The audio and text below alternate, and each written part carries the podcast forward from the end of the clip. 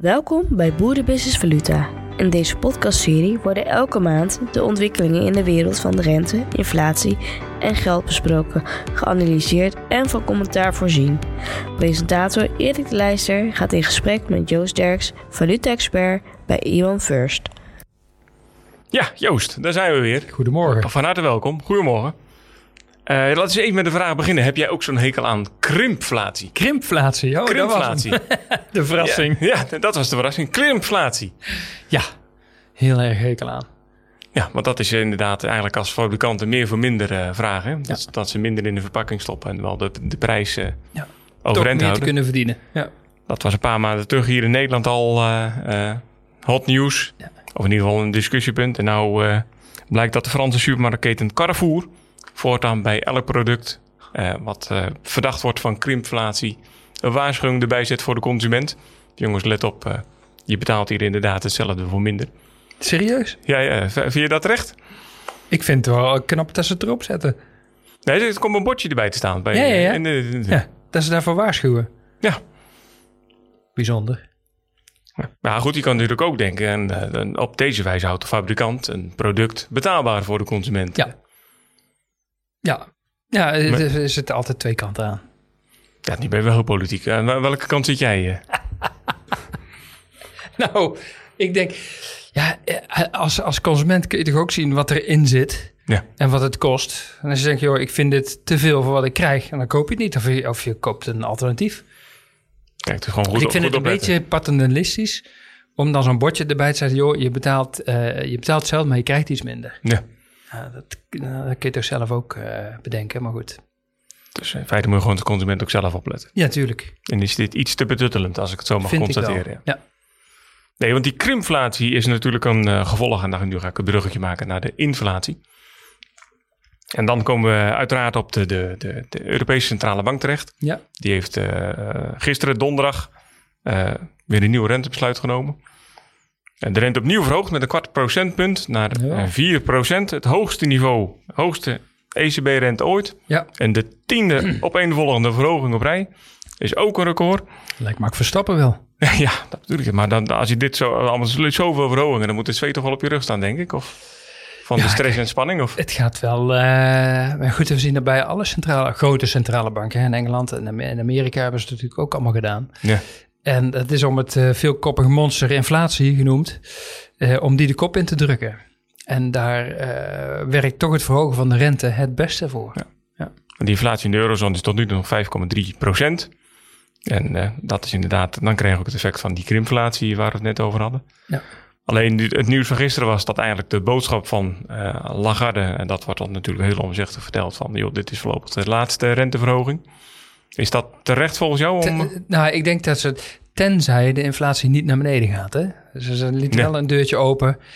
Kijk, waarschijnlijk is het inderdaad, uh, zoals het er nu nog uitziet, uh, de, de laatste. Ook omdat je economische activiteit, uh, die zakt terug. Hè? De cijfers zijn gewoon niet goed in Europa. Dus de kans dat je dan nog inflatie daardoor gegenereerd wordt, is natuurlijk veel kleiner. Dus, dus ze zegt ook veel, luister, maar we houden wel het renteniveau voorlopig hier, omdat die inflatie nog steeds te hoog is. Hij komt wel naar beneden, maar hij ja. moet richting die 2%. Ja, en dat, en dat is de, de rente die uiteindelijk zijn werk gaat doen, dan minder economische activiteit, waardoor de inflatie uiteindelijk gaat zakken. Ja. En verwacht je dat die 4% dan voldoende is om uh, de komende periode richting die, die 2% nog... Uh, ja, dat, dat lijkt me wel. Kijk, want je ziet nu al dat de economie daar last van heeft. Um, je leest natuurlijk ook in de krant dat verschillende bedrijven, met name retail, het lastig heeft. Uh, dus die, uh, die, dat is eigenlijk al gaande. Wat we ook al eerder hebben gezegd, die rente uh, veranderingen, die hebben tijd nodig om ja. echt door te sijpelen in die economie. Dus ik denk dat die, die 4% nu, dat dat uiteindelijk inderdaad wel zijn werk gaat doen. En dat wel even tijd nodig heeft. Dus de inflatie zal niet over drie maanden weer op 2% staan. Dat, dat, dat verwacht ik niet. Ja. Maar ik verwacht wel dat die inflatie geleidelijk naar beneden gaat. Ja. Ja, want nu was nog een hele discussie in de banken. Laat ook tussen neus en de lippen door dat uh, dit geen unaniem besluit was. Dus ja. een aantal bankiers waren het niet mee eens. Die wilden het liefst op de 3,75 houden, zoals nu. Ja. Is dat ook begrijpelijk? Dat was ook in de markt. Hè? Dus de markt eh, twijfelde ook heel erg van... Het was een beetje 50-50 van gaan ze wel verhogen of gaan ze niks doen? Hè, want er was ook... Het is de afweging, ja... Wil die inflatie... eh, eh, ga je de rente verhogen om die inflatie aan te pakken? Of ga je, eh, blijf je op hetzelfde niveau om de economie, economie niet, Ja. te, niet nog meer pijn te doen eigenlijk? Hè? Nou, de ECB heeft ervoor gekozen om die inflatie aan te pakken en die de kop in te drukken ten koste van economische groei. Heb ik nog een quizvraag. Ken jij de Taylor Rule? Ja, wel eens van gehoord, ja. Het heeft kennelijk niks met Taylor Swift te maken. Nee. Maar, dus die Taylor Rule is dat eh, de, de formule om de ideale rente te berekenen aan de hand van de, de inflatie en de economische groei. Ja. En die zou eigenlijk eh, voor Europa uitgaan van 4,5 procent. Mhm. Eh, dus wat, wat weegt in deze zin dan het zwaarste? Toch de mathematische berekening van zo'n regel of de emotie die in, in zo'n 4% legt, die, die Nou, de nu heeft dat de gedaan. emotie dat dat heel veel eh, doet. Hè. En ze heeft ook aangegeven, luister, die rente blijft voorlopig hier. We gaan voorlopig niet verlagen, totdat die inflatie naar beneden gaat. Hè, ze heeft ook echt wel een signaal afgegeven van, joh, hou maar rekening dat de rente voorlopig wel hier blijft liggen. En niet weer snel gaat dalen, tenzij de inflatie onder controle komt. Dan, zit, dan is die mogelijkheid natuurlijk wel. Ja. En dat zou ook weer een eh, stimulans voor de economie zijn. Maar voorlopig eh, zien we dat dus niet gebeuren. Het grappige is altijd, dat zie je ook in de Verenigde Staten natuurlijk, dat, dat laatste zinnetje tot die inflatie, die wordt altijd vergeten. Ja. Je leest over, oh, die rente gaat voorlopig niet meer omhoog. Ja. Eh, wordt dat dan wel goed ingeprijsd in de markt, zeg maar? Ja, ja eh, kijk, markten zijn altijd eigenwijs en die doen toch hun eigen ding. En ehm, je ziet ook dat dat komt met name terug, de marktverwachting, in de lange rentes. De korte rente wordt door de centrale bank bepaald en de lange rente wordt met name door de markt bepaald. Even afgelopen jaren Ja. niet helemaal, want er heeft natuurlijk ook centrale banken op die obligatiemarkt eh, ingegrepen. Maar normaal gesproken is dat aan de markt. Ehm, die lange rentes zijn natuurlijk mee opgelopen door, de, door die renteverhogingen. Maar je ziet dat die curves, zeker in, eh, ook in Amerika, eh, de markt verwacht eigenlijk dat die lange rente straks weer gaat dalen. Hè, dus je ziet veel ondernemers lenen nu eigenlijk re- relatief kort in de verwachting dat die lange rente straks toch weer gaat zakken en dat ze dan weer gaan ze weer langer lenen als het als het renteniveau lager is. Ja. Ja, terwijl op zich dat optimisme eigenlijk qua Sorry? cijfers nog nergens op is gebaseerd. Het is echt een, een Nee, maar verwachting van waar je moet hopen dat die uitkomt. echt- ja, ja, dat is allemaal eh, verwachting. Ja. Ja. Intussen, de, na de aankondiging eh, van die tiende renteverhoging bij de ECB, eh, deed de euro wel een eh, flinke tijd stap terug. Ja. Een rechte lijn naar beneden, precies een moment na die aankondiging. Ja. Hoe, hoe is dat te verklaren? Ten opzichte van de dollar, hè? uiteraard. Nee, moet dat, nog even erbij eh, zeggen. Dat is eigenlijk eh, ECB, de verhoging. Ze hebben een, een verhoging doorgevoerd, maar we noemen dat dan een dovish verhoging. Hè? Met, eigenlijk zeggen ze, joh, luister, voorlopig is dit even de laatste. Ehm, dus het renteverschil met de dollar gaat niet verder, gaan we niet verder in laten lopen. Dat is eigenlijk wat, ze, wat de markt daarmee in, eh, hoe heet dat, dat interpreteert. Nou, volgende week hebben we natuurlijk de Fed. Daar de algehele verwachting is dat de Fed nog even pauzeert voor, eh, voor september. Maar de kans dat de rente in november en december wel weer verhoogd wordt, die wordt alweer steeds hoger ingeprijsd. Door de, Ja. ook de onderliggende cijfers die we krijgen uit Amerika. Ja, terwijl de, de, de bankpresident Jerome Powell op die eh, Jackson Hole-conferentie, waar alle centrale bankiers op de wereld bij elkaar waren aangaf, joh, eh, ik, ik zie het eigenlijk wel. Zitten dat voorlopig nog even doorgaan, omdat die Amerikaanse economie maar niet wil temperen. Nee, kijk, en, dus, en dat betekent dus dat die eh, rente in Amerika misschien zijn top nog niet heeft bereikt.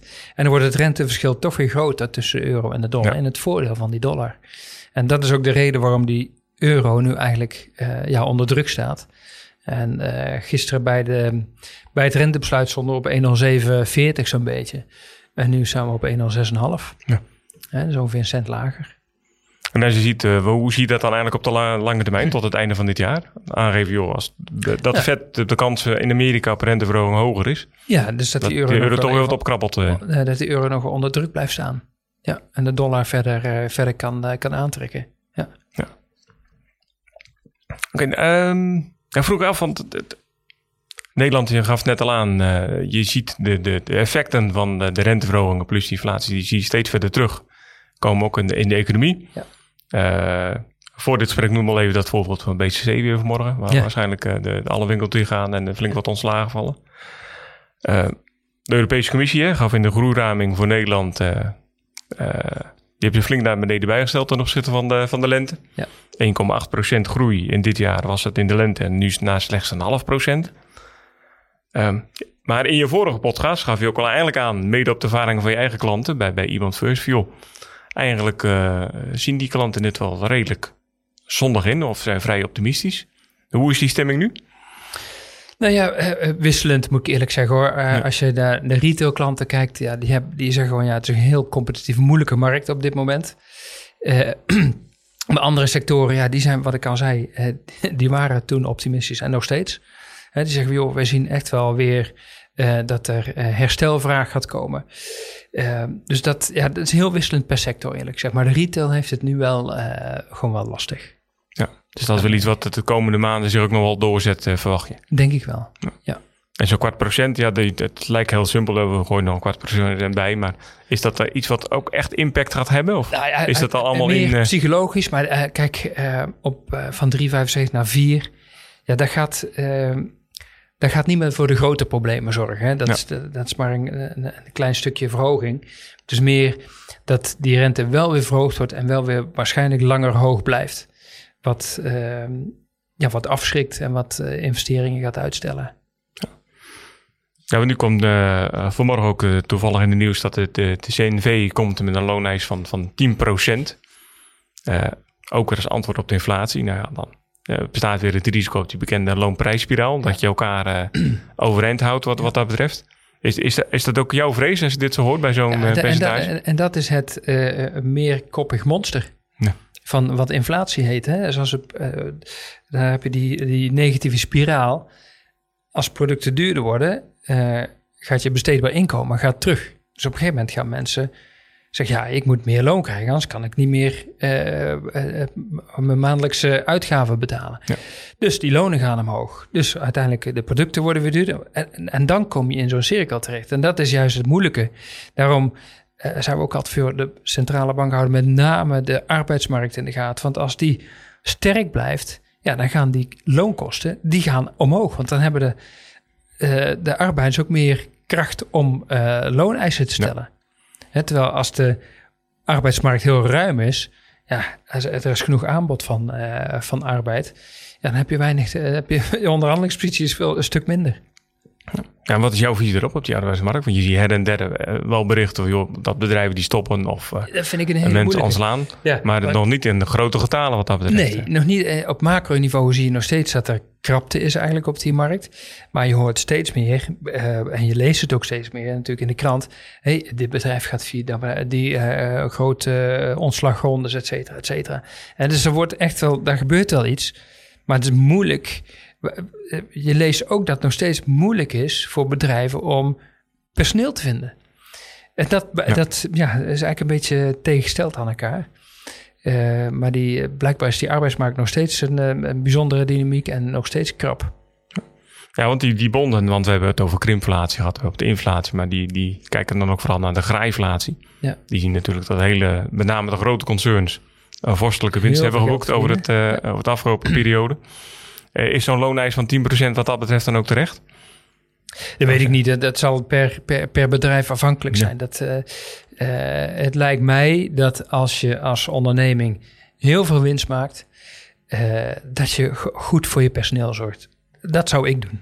Hè, dus als ik, en ik zou ook zeggen, joh, als, ik het, als het minder gaat, zou ik het ook uitleggen aan personeel. Jongens, het gaat even wat minder we moeten even een tandje bijzetten. Uh, als we het wel halen, dan kunnen we dit en dit uh, voor je doen. Maar als een bedrijf heel veel winst maakt, waarom zou je je personeel daar niet van mee laten profiteren? Dat begrijp ik nooit zo goed. Ja, want ik begreep eigenlijk dat een, ook voor jou eerder, dat een looneis uh, van 10% eigenlijk nog wel meevalt hè, ten opzichte van de Verenigde Staten, waar ja. andere percentages voorbij komen. Ja, dat hoorde ik net op de, op de radio in dat United Auto Workers.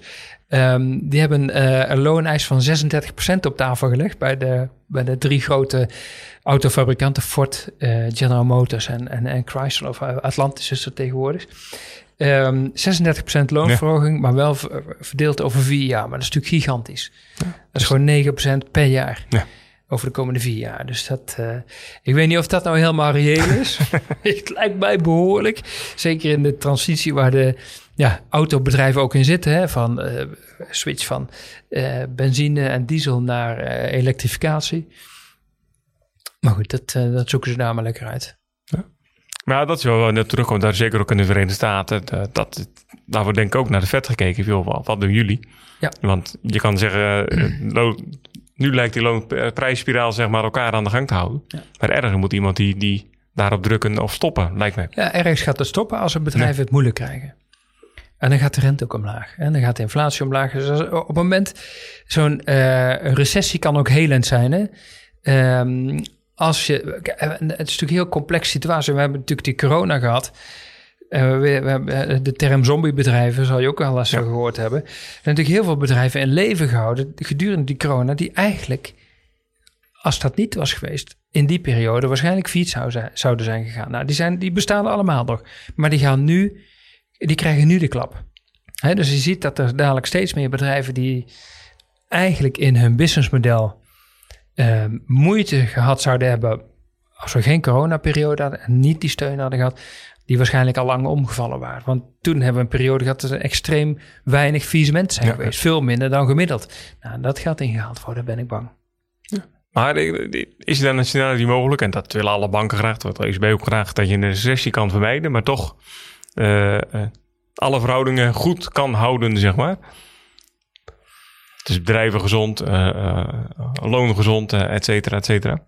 Inflatie beheersen. Ja, maar ik denk Want dat dat ergens moet bijna toch- niet kan. Ergens moet toch pijn geleden worden? Ja, en je kan, kijk, als jij, stel je hebt een, een onderneming ehm, en je maakt, weet ik veel, wat 100.000 euro winst per jaar. En gedurende die periode in de corona heb je nul kunnen verdienen.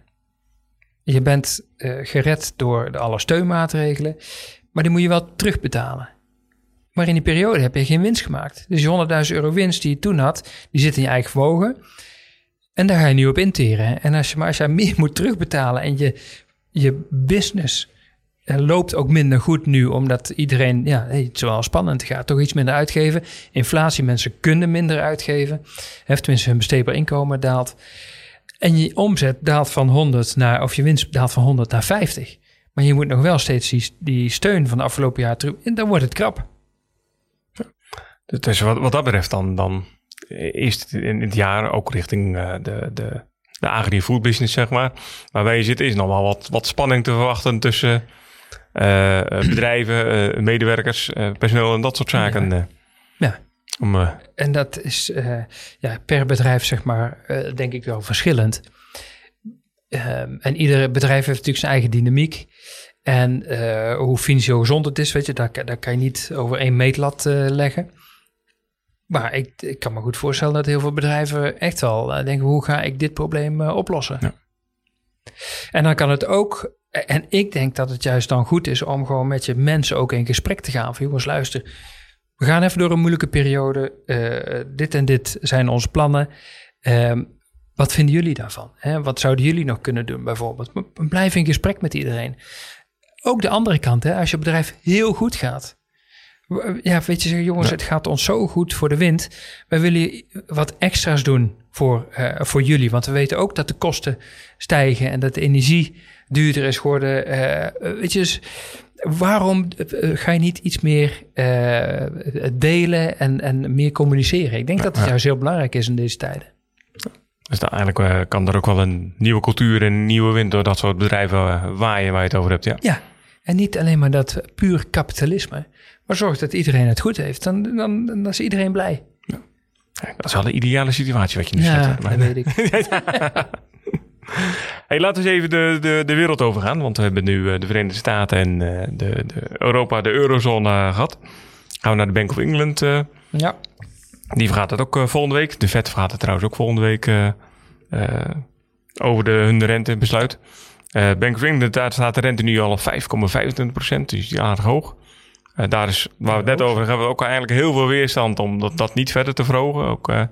bij het bedrijfsleven en zal het ook de vakbonden. Ja. Ja, wat denk je dat de bank gaat doen? Nou ja, ik denk, ik denk dat ze zelf de keuze gaan maken als ECB. Dat is het toch, Toch een kwartje nog... eh, ja, omdat ook daar die inflatie niet, eh, nog veel te hoog is. Tuurlijk, hij komt naar beneden, maar hij is echt nog veel te hoog in Engeland. Dus ik denk ook dat ze daar de rente eh, nog een keer gaan verhogen. Ondanks dat het economie Ja. het lastig heeft. Ja. Dus daar wordt het dan... Ja, dat is nu al een beetje pijn lijden daar. Maar, Ja. eh, dus daar wordt het scherper gespeeld eigenlijk dan in, eh, in de Verenigde Staten en, de eurozone wat dat betreft. Ja. eh, Engeland is natuurlijk eh, een, een, een heel bijzondere economie en ze moeten veel importeren. Het is een eiland. Eh, ze zijn natuurlijk uit, die, uit de euro, eh, uit de EU gestapt. Hè? Dus de, de brexit heeft natuurlijk nog wat impact gehad. Dus ja, dat heeft, heeft wel zijn eigen dynamiek. En je ziet dat het in Engeland ook, eh, ja, ook economisch enorm verdeeld is. Hè? Je hebt natuurlijk enorm kapitalisme en je hebt ook, maar ook een heel Ja. stuk arme bevolking. En eh, veel gemeenten die het moeilijk hebben. de gezondheidszorg ja, staat eigenlijk bijna op omvallen. Ehm, dus daar, daar zijn, die hebben echt wel een eigen, eh, eigen uitdaging ook. Ja. ja, maar dan kan zo'n kwartje toch wel iets zijn waar je zegt... van, joh, eh, nu, dit is een duurtje te veel. ja, maar ook daar blijft die inflatie het veelkoppig monster. Hè? Want daar zijn ook hoge looneisen. En op een gegeven moment, ja, als je, eh, we weten allemaal wat er bijvoorbeeld in Turkije is gebeurd. Inflatie is echt, echt niet fijn. Dat is echt, je pensioen, alles. Als je veel schulden hebt, is inflatie fijn. Maar als jij eh, bezitting hebt, die worden allemaal minder waard. Ja, dat is niet fijn is dan een Nee. statement hè, wat dat betreft. Ja. Nee, dus inflatie is, is echt eh, iets wat eh, eh, zeker in de westerse economieën eh, zeer serieus genomen wordt. Kijk even naar Europond, om even in een, eh, eh, in Groot-Brittannië of Verenigd Koninkrijk te blijven. Die, die ging eh, donderdag eigenlijk dezelfde koers volgen als eh, de euro-dollar. Dus, maar is dat eigenlijk dan meer een teken van eurozwakte of eh Ja. ten opzichte van en- en of, Euro- of sterkte? Europond is ook wel een, eh, een lastige, dat is echt een yo-yo op het moment. Die eh, kan, heeft moeite om richting te kiezen. Dus het gaat van 85 tot 86,5. En alles wat ertussen zit, eh yo-yo't het zeg Ja. maar op en neer.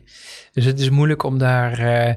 eh, eh, Dus elke input die van beide zijden binnenkomt, die, eh, dat heeft gelijk effect. eh. Ja, ja, en je ziet ook dat ze eigenlijk een beetje in dezelfde ehm, problemen zitten. Ze allebei de, moeten de rentes verhogen. Allebei hebben ze, eh, ja, het, heeft de economie last van die hoge rentes. Dus die komen, ja, de economische cijfers zijn gewoon bij allebei minder. Dus het gaat eigenlijk een beetje gelijk op. En de dollar is de, eigenlijk de, de lachende derde. Dan vliegen we even verder de wereld over. Gaan we naar China. Ja. Een belangrijke koper van eh, agrarische grondstoffen. En daar zijpelen steeds meer en meer berichten over door dat eh, ja, de economische ontwikkelingen daar, daar erg stagneren. Ja. Hebben zelfs nog deflatie genoemd. Ja, moeten wij ons hier in Europa daar zorgen over maken? Nou, in zoverre, ehm, eh, ik, eh, de Chinese economie is natuurlijk wel eentje die ook heeft voor gezorgd de afgelopen jaren dat de wereldeconomie het goed deed. Hè, want ze zijn inderdaad, eh, ze hebben heel veel spullen gekocht, grondstoffen met name. En ze hebben heel veel spullen geproduceerd, eh, geproduceerd en geëxporteerd naar Amerika en Europa. Hè, waardoor wij eigenlijk een relatief lang een lage inflatie hebben gehad. Omdat het natuurlijk in een lage loonland toen de tijd werd gemaakt. Dus die spullen waren allemaal veel goedkoper dan, dan hier. Ehm, wat je nu ziet is dat die economie daar hapert. Ehm, enerzijds door eh, die vastgoedbubbel die daar eh, aan het leeglopen is. Eh, anderzijds dat de interne economie niet op gang komt. Waar we wel eigenlijk een beetje hadden gehoopt. Na het loslaten van die strenge coronamaatregelen. Maar ik ben bang dat die ehm, vastgoedbubbel daar een stokje voor steekt. En iedereen heel voorzichtig is met, met, ja, met het uitgeven van, van het salaris. Uiteindelijk is het opvallend. Hè? Want de, de, de- die- bij de Chino- Chinese overheid eh, ja, liep de afgelopen jaren eh, het geld ruimschoots binnen. Ja. En dat klopt waarschijnlijk daar nog steeds tegen de blinden. Dus je hebt alle mogelijkheden om daar iets aan te doen. Ja, En waarom lukt ze het dan toch niet om... eh, Nee, dat, ze, doen dat ook wel. En eh, natuurlijk stimuleren ze lokale eh, economie ehm, en eh, lokale banken. Vragen ze om eh, soepeler te zijn, bijvoorbeeld met het verstrekken van leningen. Ehm, ze proberen natuurlijk hun eigen, eh, ja, eh, hun eigen munt staat ook onder druk. Het is natuurlijk ten opzichte van de dollar dit jaar 8% gezakt. Eh, nou, dat gaat ze dan weer net wat snel. Dus we Ja. willen die munt ook weer wat, wat steunen. Want als het als die te ver wegzakt, heb je risico op kapitaalvlucht. Ja, hè? Ja. dan vlucht kapitaal uit China naar het buitenland. En dat ja, is ook niet goed voor de, voor de lokale economie. Dus die zijn wel aan het eh, eh, langzaam die munt weer aan het, eh, aan het steunen. En ten opzichte van de dollar gaat dat mondjesmaat. Ten Ja. opzichte van de euro lukt dat aardig, maar dat, dat komt eigenlijk door de dollar. Nou, die dollar was zelfs ten opzichte van dollar zelfs het laagste punt in tien Ja. jaar ongeveer. Hè? Dat Ja. is echt, En in Chi- in China en Japan kijken met name naar de koersverhouding ten opzichte van de dollar. Want daar zijn de grootste handelstromen mee. En is ook veel, veel van onder- onze ondernemers, onze klanten, die betalen in dollars aan China en nooit in euro's. Maar nou, het China eerder hebben we het al vaker over gehad, de ambitie om van die renminbi echt een, eh, een, een wereldmunt te maken op niveau van dollar en euro. Maar dat eh, gaat even niet lukken als ik jou zo horen. Nee, dat, eh, en ik denk dat dat ook nog wel echt, echt wel even duurt. Ja. Ja, want het speelt natuurlijk maar een hele kleine rol op het wereldtoneel. Ook op de financiële markten. Hè, want daar hebben we het ook eerder over gehad volgens mij. Als je kijkt naar het aantal derivatenposities. Wat er in eh, yuan wordt afgesloten. eh, in een heel jaar. Dat doet de dollar ongeveer een dag over. Ja, ja. Dus zo, zo groot, dat zijn de, de verschillen in de omvang in die, in die markten. Dus voordat China ehm, eh, zeg maar, op dat vlak zeg maar, een, een evenknie wordt voor de dollar, dat, dan zijn we echt nog een paar jaar verder. Een paar, tientallen jaren misschien wel. Maar wat is jouw idee? Hoe de, de, de economie van China zich de komende tijd ontwikkelt? Kunnen er nog meer bubbels als aan dat vastgoed? eh, Nou ja, Zich ik, aandienen, ik denk dat, dat die vastgoedbubbel, dat, eh, dat gaat jaren duren, ben ik bang. Ehm, want je weet, als je vastgoed koopt, voor de meeste mensen is dat de grootste aankoop die ze doen in hun leven. Dus als jij drie ton hebt geleend en de huis is in één keer maar twee ton waard, dan zit je een ton onder water en dan kan je voorlopig niet verhuizen waarschijnlijk. En je moet wel alles aflossen. Dus met het salaris wat je daar verdient, moet je wel de 300.000, of in ieder geval een groot deel van dat geld uiteindelijk, voor, voordat je met pensioen gaat, moet je het afgelost hebben. Nou, dat drukt gewoon een, een stempel op, je, op het geld wat je kan besteden iedere maand. En als je dat dan vertaalt naar de, de, de mondiale economie inderdaad als handelspartner, dan, dan betekent dat waarschijnlijk dat die positie en dus ook die, Ja, die handel nog een tijdje onder druk komt te staan. En ook als je kijkt naar de demografische ontwikkeling in China. we hebben natuurlijk heel lang een één-kind-politiek gehad. Ehm, dus die economie of die demografie is ook aan het verouderen. Hè? Dus de kans dat China de grootste economie ter wereld gaat wo- gaat worden, is ook alweer afgenomen. Want als je groei wil hebben, moet je ook, eh, moet ook je bevolking zeg maar groeien. Hè? Dus als jij geen aanwas van jonge eh, mensen krijgt, ja, dan groeit jouw economie ook niet meer. Ja. Of in ieder geval een stuk minder vanuit dat stuk. Dus ook dat is een, eh, ehm, een, ja, eigenlijk een ontwikkeling die toch impact gaat hebben ook op die economie in, in China op lange termijn. Gaan we ook nog even kijken, je noemde het net al naar Japan. Eh, want ja, die eh, eh, schudden de financiële wereld ook wakker eh, de afgelopen periode met een eh, rentebesluit. Ja, Alleen dat zit nog heel eh, ingewikkeld in elkaar en anders dan anders. dus dat laat ik, die uitleg laat ik graag aan jou over hoe dat zit. eh. Nee, het is, het is niet heel, eh, inderdaad niet heel eenvoudig met Japan. Want die hebben natuurlijk eh, decennia lang eh, deflatie gekend. Hè? Dus negatieve inflatie. Met de rente eh, nul of net eh, negatief. Ehm, nu loopt die inflatie in Japan eindelijk op. Dus ze zijn helemaal blij dat ze weer iets van inflatie hebben.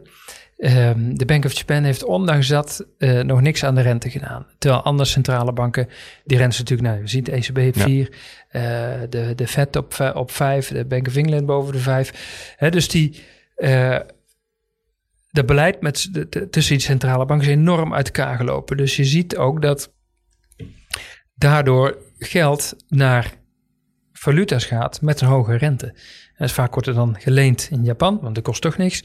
En we zetten het lekker uit in euro's, dollars en ponden. Want die brengen lekker veel op. Het is de zogenaamde carry trade. Nou, daardoor komt die munt zwaar onder druk te staan. Eh, we zien ook eh, tegen de dollar staat hij op 146 om en nabij. En eh, tegen de euro stond hij bijna op 160. Ja, dat zijn niveaus waarop eh, de Bank of Japan het ook niet meer heel grappig vindt. En dan krijg je dus ook risico op, eh, op interventies. En Ja. Japan heeft, heeft een reputatie op dat vlak. De Bank of Japan. Maar toch goed, dat kunnen ze toch niet langer volhouden. of niet lang volhouden. Jawel. Als dat zo door blijft gaan. Ja, China, of ook Japan beschikt over enorme reserves. Het is een heel rijk land. Zij hebben, eigenlijk is alles inter, bijna alles intern gefinancierd. Dus Japan is ontzettend rijk en hebben ook grote valutareserves. Dus op zich, zij kunnen dat ook, zich ook veroorloven. En ehm, als ze dat doen, dan gaan, stappen ze ook groot in. En dat is dan waarschijnlijk ook die uh, rol die ze dan spelen op het mondiale toneel, dat er ook scherp naar gekeken wordt. Hè? Ja. Ja, dat houdt de markt echt wel in de gaten. En de markt is altijd, gaat altijd op zoek naar de pijnpunten. Hè? Dus de markt gaat ook even tot wanneer, um, wanneer zijn we echt irritant voor de, voor de centrale bank. En dan wordt dan de lijn interessant. Ja, dat is eigenlijk het punt van sadisme wat in die markt zit. Ja. Altijd op zoek gaan naar de pijnpunten. Ja. ja. Uh, nou, flink wat, wat valuta en ontwikkelingen besproken. Zijn er nog andere ontwikkelingen of valuta die je denkt, joh, daar, daar, moeten we even aandacht aan besteden deze maand? Hmm, nee, ik heb eigenlijk nu. Ik zit even zo naar, het plafond te kijken hier. Maar nee, ik, nu even niet, uh, schiet me niet iets binnen nu. Hier ligt wel een plafond inderdaad. Nee, geen bijzonderheden verder. Nou, dat komt mooi uit, want we hebben het half uur ook al, uh, al gehad. Dus uh, veel besproken zo. Dan dank ik je voor dit gesprek, uh, Joost. En dan uh, zien we elkaar volgende maand weer. Zeker. Oh ja, trouwens, hoe, hoe staan we er dan voor, denk je, volgende maand? Met? Economie, rente, inflatie? Nou, ik denk de, de, een beetje hetzelfde. Dat gaat allemaal niet zo heel snel. Uh, ik denk Bank of England dus verhoogd. De ja. Fed onveranderd. Met kans op verhoging later dit jaar. Um, wat denk ik de dollar verder gaat ondersteunen. Oké. Okay. Ja. Nou, vast wel weer voldoende gesprekstoffen. Vast wel. Nou, tot dan. Joep.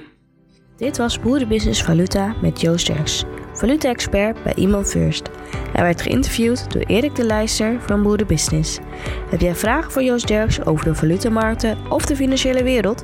Stuur dan een mail naar redactie.boerenbusiness.nl En we nemen hem mee in ons volgende podcast Valuta. Bedankt voor het luisteren.